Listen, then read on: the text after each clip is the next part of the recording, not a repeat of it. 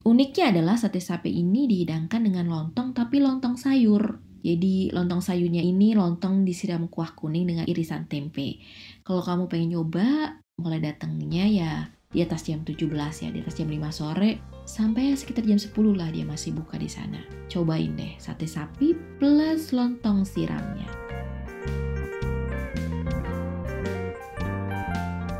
Hai, ketemu lagi dengan saya Puji di podcast Teman Jalan.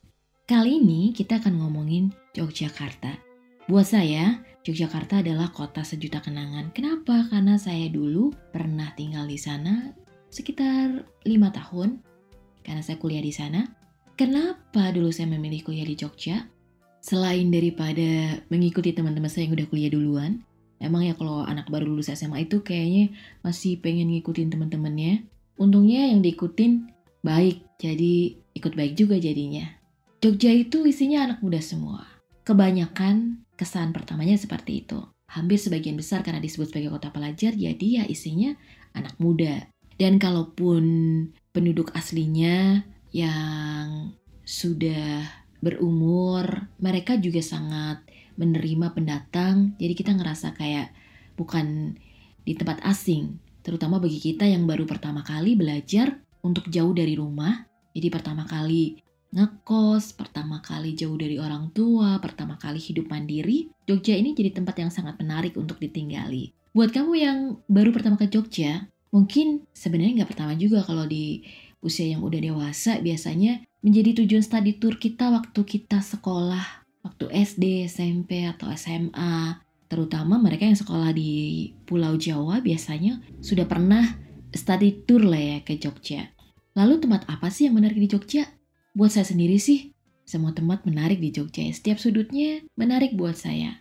Tapi kalau buat yang baru datang atau belum terlalu sering ke Jogja, biasanya ke mana sih yang dikunjungi? Tentu saja yang pertama adalah Malioboro. Kenapa sih pada pengen ke Malioboro? Yaitu seperti kayak signaturenya kota Jogja. Ada apa sih di Malioboro? Kayaknya cuma ada pedagang kaki lima, jualan batik, makan lesehan. Tapi itu juga sesuatu yang menarik ya untuk kita lihat. Dagangan-dagangan di sepanjang jalan itu beraneka macam kerajinan, batik, gelang-gelang lucu, gelang-gelang bernuansa etnik, dan yang pasti hanya sekedar nongkrong melihat lalu lintas di sepanjang Malioboro pun itu juga sesuatu yang menyenangkan. Nah di Malioboro ini tempat yang harus dikunjungi wajibnya adalah titik 0 km.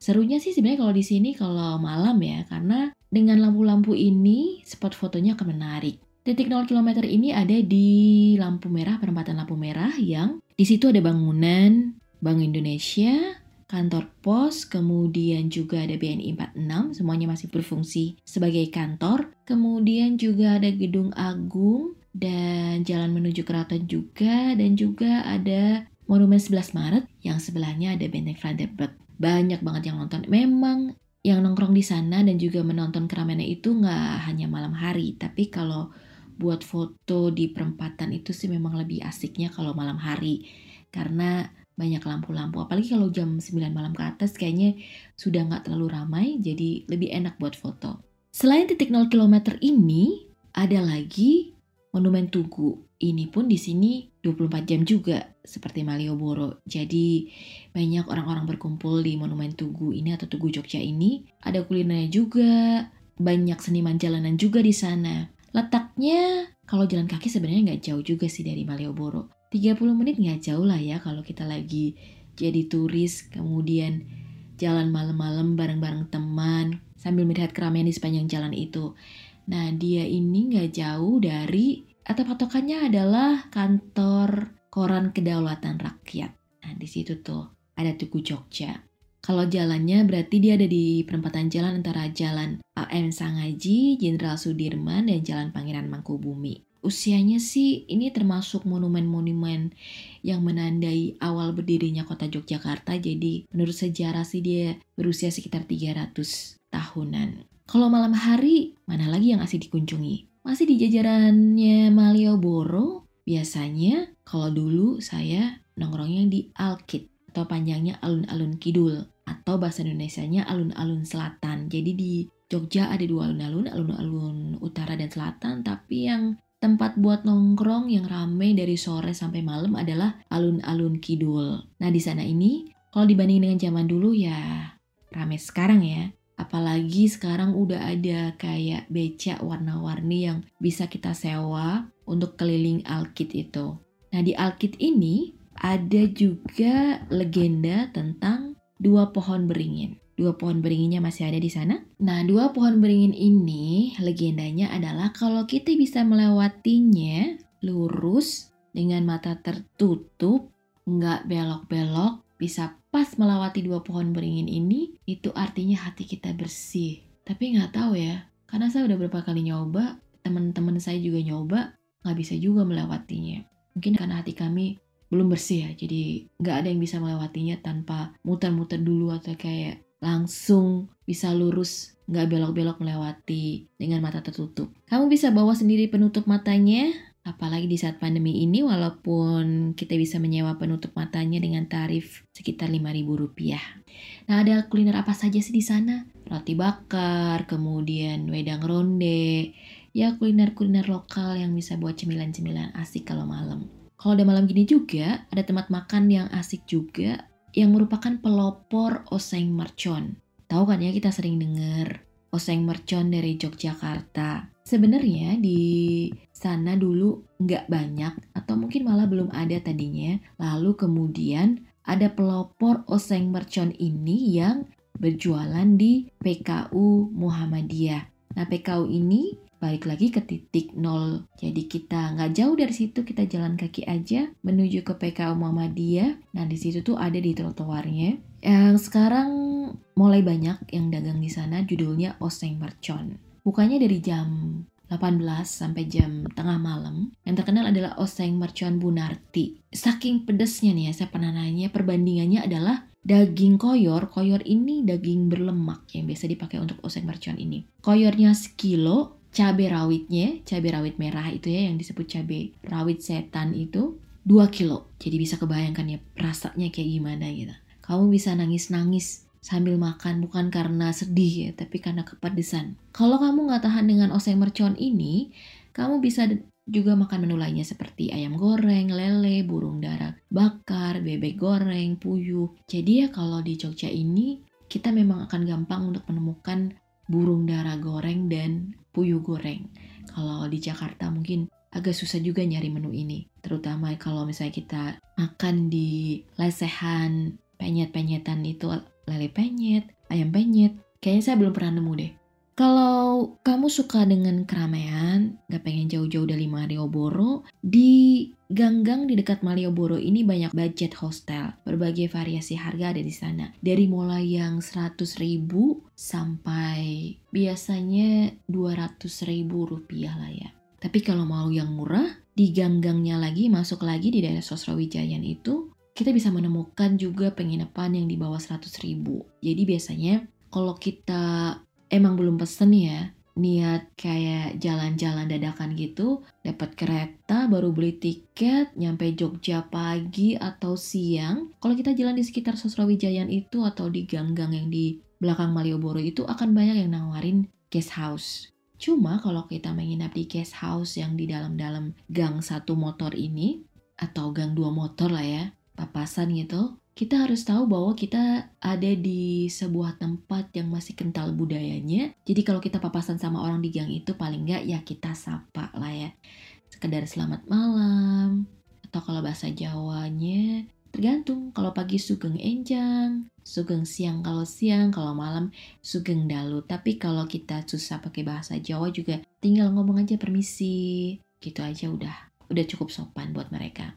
Kalau nggak suka daerah yang ramai banget, ada sih daerah turistik yang memang sentral. Para turis asing biasanya menginap namanya di daerah Prawiro Taman di sekitar Jalan Parangtritis tapi cukup jauh dari Malioboro dan kalau malam sih udah agak sepi meskipun memang banyak kafe juga di sana karena memang daerah turis juga. Dekat sana juga ada coklat Monggo, coklat produk lokal ya, produknya Jogja. Jadi namanya coklat monggo. Biasanya buat souvenir juga kalau kita balik dari Jogja.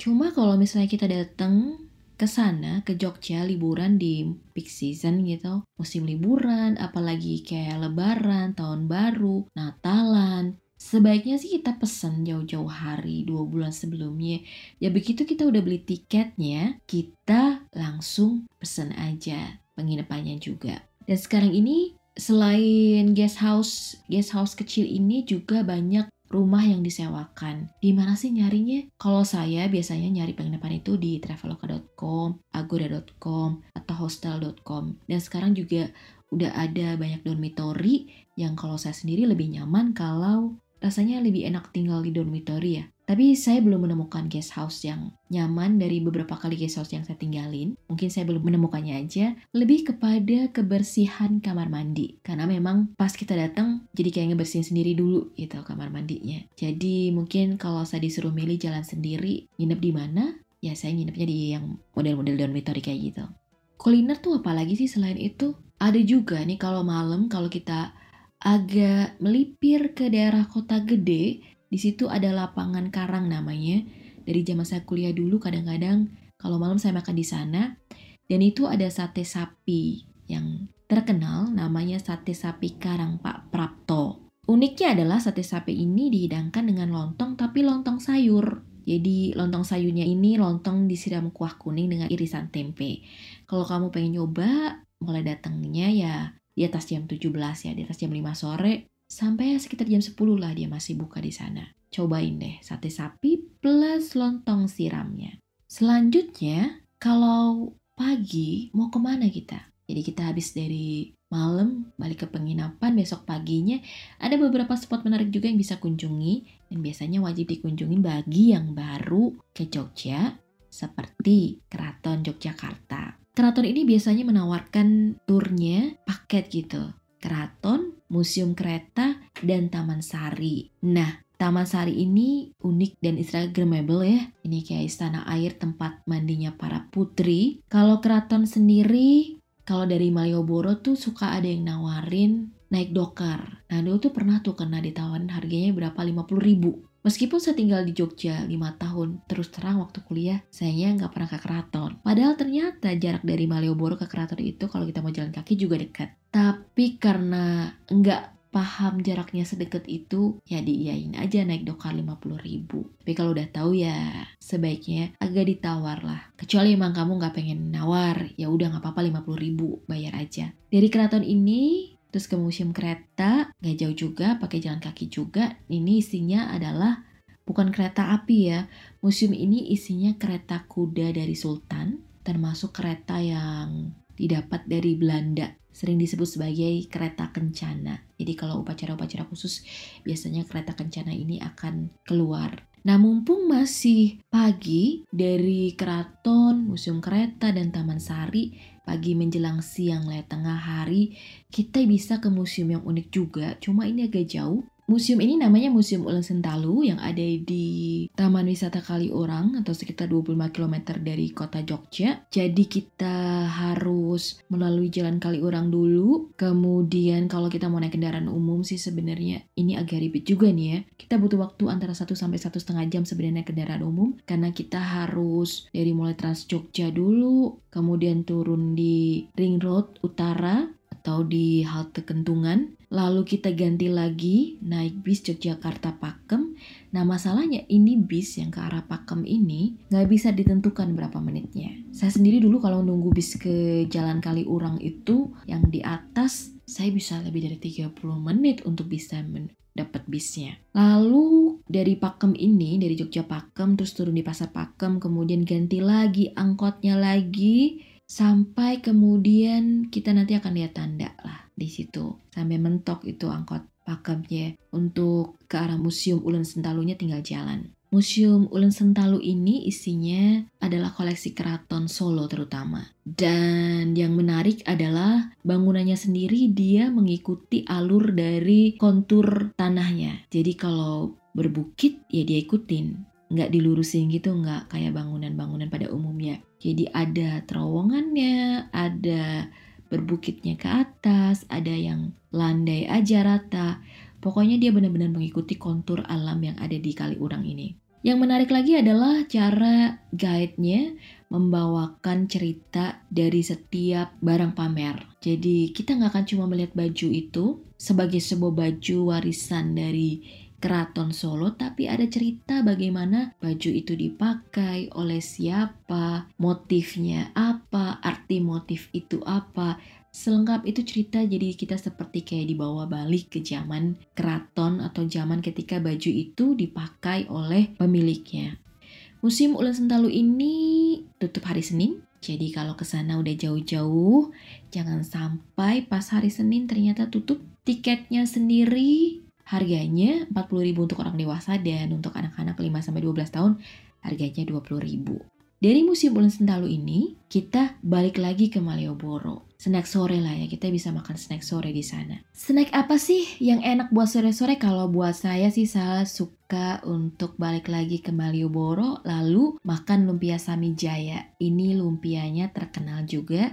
Kenapa dinamakan Samijaya? Karena memang dia jualannya di depan toko Samijaya atau samping Hotel Mutiara. Nggak jauh lah kalau dari Pasar Beringharjo ini nggak jauh. Gak ada yang jauh sih sebenarnya di Jogja, kalau nggak macet ya. Tapi kalau jalan kaki di sepanjang Malioboro, gak ada yang macet kayaknya. Cuma jalan-jalan pelan aja kalau lagi banyak orang. Ada dua menunya, menu lumpia ini. Ada yang pakai ayam, ada yang juga spesial, ayam dan telur puyuh. Nah yang menariknya adalah kalau kita biasa makan lumpia Semarang, ya mirip-mirip lah ya. Ada saus bawang putihnya juga, ada tambahan acarnya juga. Lumpia ini kalau kamu mau balik dari Jogja bisa buat oleh-oleh juga tapi datangnya pagi ya karena kalau agak siang mungkin kita nggak akan bisa membeli banyak dan dia bertahannya mungkin juga nggak lama jadi kalau misalnya kita perjalanan ke Jogja atau dari Jogja balik Jakarta naik kereta sekitar 6-7 jam, kita bisa minta digoreng setengah matang aja. Jadi nyampe rumah juga masih enak buat kita angetin lagi. Di hari berikutnya, kalau kita mau sarapan lagi atau mau nyari makanan yang khas lagi,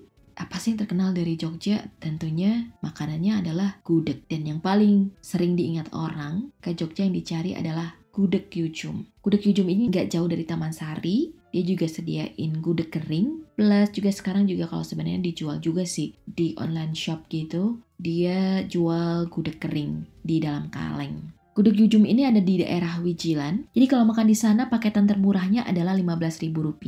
Paketan paling simple, nasi, gudeg, krecek, telur. Tapi ada satu lagi nih, gudeg yang saya suka. Namanya gudeg Ibu Haji Ahmad UGM. Dia ada di Jalan Kaliurang kilometer 4,5 ada tuh di situ resto gudegnya dan dia lebih menonjolkan rasa asin karena kalau gudeg kan biasanya identik dengan manis.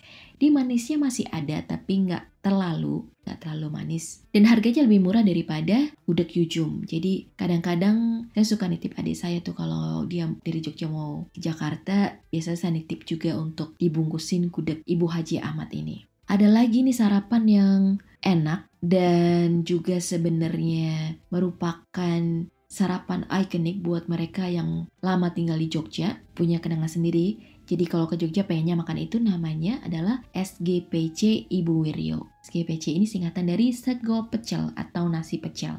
Dia lokasinya ada di Bulak Sumur, Selakon Mataram, atau tepatnya sih ada di depan gedung Fakultas Kedokteran Hewan UGM. Bukanya dari jam 7 pagi sampai jam 9 malam setiap hari. Dan meskipun sekarang harganya memang bukan harga mahasiswa ya. Karena kalau per porsinya 19.000 kayaknya bukan buat mahasiswa banget mahasiswa pada umumnya ya. Tapi kalau kita datang ke sana dan pernah tinggal di sana, atau kalau baru sebagai turis Jogja dan pengen cobain selain gudeg, nggak ada salahnya nyoba untuk SGPC Bu Wiryo ini. Selain pecel dia juga jualan sop daging juga dan lauk pelengkapnya seperti kayak tempe goreng gitu, perkedel. Enak untuk dimakan pagi-pagi. Siang juga enak sih sebenarnya.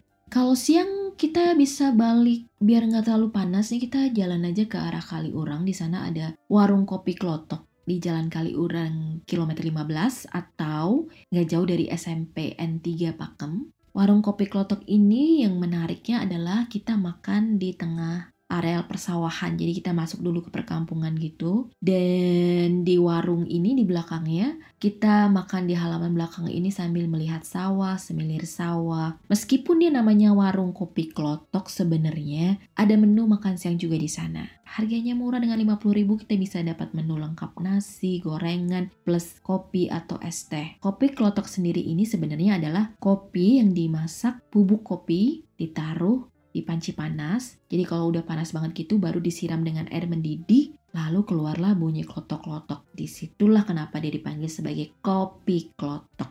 Kita bisa betah di sana sejam dua jam sambil makan siang menuju sore pun enak nongkrong di sana rame-rame. Biasanya ditemenin sama pisang goreng yang digoreng langsung di sana. Jadi masih anget-anget banget. Kita bisa langsung pesen sambil menikmati pemandangan sawah yang nggak setiap hari juga kita bisa lihat seperti itu kan. Naik apa sih ke Jogja? Karena saya tinggal di daerah Jabodetabek, pilihannya adalah naik kereta. Bisa kereta eksekutif, bisnis, ekonomi, dan karena sekarang ekonomi juga semuanya pakai AC, jadi kalau kamu memang tahan untuk duduk dalam posisi tegak selama 8 jam, atau 7 sampai 8 jam, gak apa-apa kamu naik kereta ekonomi. Tapi sebenarnya ya, naik kereta eksekutif ini kalau kita bisa dapat harga diskon atau jauh-jauh hari pesennya, kadang-kadang harganya ini sama dengan harga kereta bisnis bahkan dengan kereta ekonomi AC yang premium. Jadi jangan buru-buru ya nentuin tiket apa yang dibeli. Sebaiknya kalau memang kamu niat jalan-jalan ke Jogja naik kereta, rajin pantau harga juga. Bisa dibeli di situs KAI-nya juga atau di travel agent yang online seperti Traveloka, tiket.com bisa dibeli di sana juga. Pilihan lainnya adalah naik pesawat, cuma sekarang ini bandaranya sudah pindah, bukan lagi di Adi Sucipto, yang kode bandaranya kalau kita pesan tiket COG, sekarang ini udah pindah ke Yogyakarta International Airport yang ada di Kulon Progo, cukup jauh juga dari pusat kotanya, tapi waktu tempuhnya memang jaraknya Jakarta-Jogja hanya 1 jam 10 menit. Biasanya harganya, harga standarnya sih sebenarnya kalau bukan peak season kita bisa dapat harga di 300 ribu rupiah. Pesawatnya apa aja banyak. Dari mulai yang Garuda Indonesia, Citylink, juga ada Lion Air juga.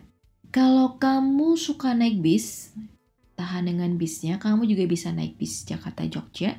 Waktu tempuhnya sekitar 8-9 jam. Cuma karena sekarang jalan tolnya lebih bagus, akses jalan tolnya makin panjang, jadi bisa menghemat waktu sebenarnya daripada melewati jalan biasa. Bisa jadi perjalanan kita kalau naik bis kurang dari 8 jam dan turun di terminal Giwangan. Cuma kalau misalnya dari Jakarta dan dia berangkat jam 3-4 sore bisa jadi kita nyampe terminalnya dini hari. Sebelum jam 3 subuh atau jam 4 subuh kita sudah sampai. Sebelum jam 4 subuh kita udah sampai. Jadi kalau kita sendiri kayaknya lebih nyaman sih kalau saya naik kereta. Karena nunggu di stasiun lebih enak. Nunggu siang di stasiun kereta api lebih nyaman daripada di terminal bis. Kalau saya sih seperti itu ya. Saya juga pernah nyoba dari Jakarta bawa kendaraan pribadi lewat Purwokerto. Kalau ini sih serunya kita bisa mampir-mampir untuk kuliner. Jadi jaraknya sebenarnya yang bikin panjang adalah karena kita mampir-mampir untuk kuliner. Tapi seru aja sih. Ada pengalaman lebihnya di daerah-daerah yang kita ya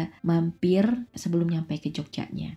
Jalan-jalan nggak pakai belanja, kayaknya ada yang kurang ya. Tapi belanja, ingat juga sama budget yang kita punya. Nggak harus mahal untuk bisa bawa belanjaan banyak dan bagus. Tempat-tempat belanja yang asik adalah di Malioboro tentu saja ada pasar Beringharjo. Nah kalau kamu cuma pengen beli batik-batik harga murah tapi bagus, kamu mendingan beli ke pasar Beringharjo. Nah agak sore aja jadi bisa lebih enak nawarnya. Cuma memang biasanya harganya nggak akan turun jauh karena biasanya juga mereka menawarkannya tidak markup jauh ya, tidak membuat sampai dua kali berbeda dua kali harga aslinya. Beda kalau misalnya kita beli di yang sepanjang Malioboro. Terus kita berusaha nawar pakai bahasa Jawa, kita pikir kan lagi di Jogja. Dan kita udah belajar bahasa Jawa yang paling basic untuk nawar, ternyata yang jualan nggak ngerti bahasa Jawa. Karena yang jualan orang Padang ternyata lebih pusing lagi kan kita. Jadi ketahuan juga bahwa kita adalah turis. Jadi kalau mau nggak nawar ataupun kalau nawar juga nggak nawar banyak, sebaiknya belinya di Beringharjo saja. Biasanya barang-barangnya nggak berbeda dengan yang dijual di sepanjang jalan Malioboro. Nah kalau mau yang agak mahalan lagi, mutunya lebih bagus lagi, biasanya kalau ini saya beli untuk baju kerja ya, batik untuk kerja. Jadi saya beli di Batik Mirota, tinggal nyebrang aja di seberang Pasar Beringharjo itu ada Batik Mirotanya. Kemudian juga ada Mal Malioboro, salah satu mal tertua aku rasa di sana ya. Jadi di sana ada kaos otentik Jogja, namanya Dagadu mereknya. Dia ada di lantai bawah, jadi turun lagi turun lagi gitu yang ground ya kalau nggak salah sebutannya Malioboro Mall. Di sini Dagadu penuh dengan gambar-gambar lucu dan kata-kata lucu tentu saja yang temanya gak jauh dari kebudayaan orang Yogyakarta. Yogyakarta nggak akan habis kita bahas dalam satu episode. Banyak hal yang tidak hanya sekedar Malioboro yang bisa kita bahas. Ada juga oleh-oleh kekinian yang biasanya dulu kalau kita oleh-olehnya bapia patok, sekarang ada juga oleh-oleh yang baru. Seperti yang lagi happening banget ini adalah bapia kukus tugu Jogja. Biasanya kalau ada saya balik bawain ini dan dia bisa dibeli di Malioboro, di Mal Malioboro-nya tadi, stasiun Tugu atau stasiun Lumpuyangan. Sementara kalau kita masih pengen yang model klasik nih ya, atau bapia yang biasa kita beli untuk oleh-oleh dari Jogja, yang terkenal adalah bapia Patok 25. Patok ini sendiri adalah nama daerah, nama desa di Jogja. Nah, kenapa kita enaknya beli di sana di bapia Patok 25? Karena kita bisa melihat langsung prosesnya proses pembuatan bakpianya dan varian rasanya pun mulai berkembang mungkin kalau dulu kita cuma mengenal kacang hijau sama keju sekarang ini udah ada coklat juga kemudian di sana kita juga bisa membeli oleh-oleh lainnya seperti kerak nasi yang digoreng atau intip goreng, kemudian ada yangko, geplak. Pada dasarnya semua makanan ini rasanya manis. Kalaupun intip goreng ini ada gurih, dia biasanya juga dikasih gula merah jadinya rasanya tetap ada manisnya juga. Namanya juga di Jogja ya, jadi ya wajar. Signaturenya adalah makanan manis. Selain pusat kota Jogja ini atau di sekitar pusat kota Jogja ini, Jogja juga ada pantainya loh. Pantainya dulu sebelum ada pantai-pantai baru sih yang muncul seperti sekarang yang di pantai-pantai yang di Wonosari, daerah Bantul adalah Pantai Parangtritis. Nah, episode selanjutnya kita bakalan ngomongin Jogja lagi, agak ke pinggir, ke tempat-tempat yang ke pinggiran lagi. Dan untuk gambar-gambar perjalanan saya, foto-foto yang menarik dari perjalanan saya, bisa follow Instagram saya yang ada di @ipuc, i p u d c. Kalau ada cerita jalan-jalan yang pengen dibagi oleh teman jalan, bisa email ke podcastpuji.temanjalan@gmail.com. Sampai jumpa.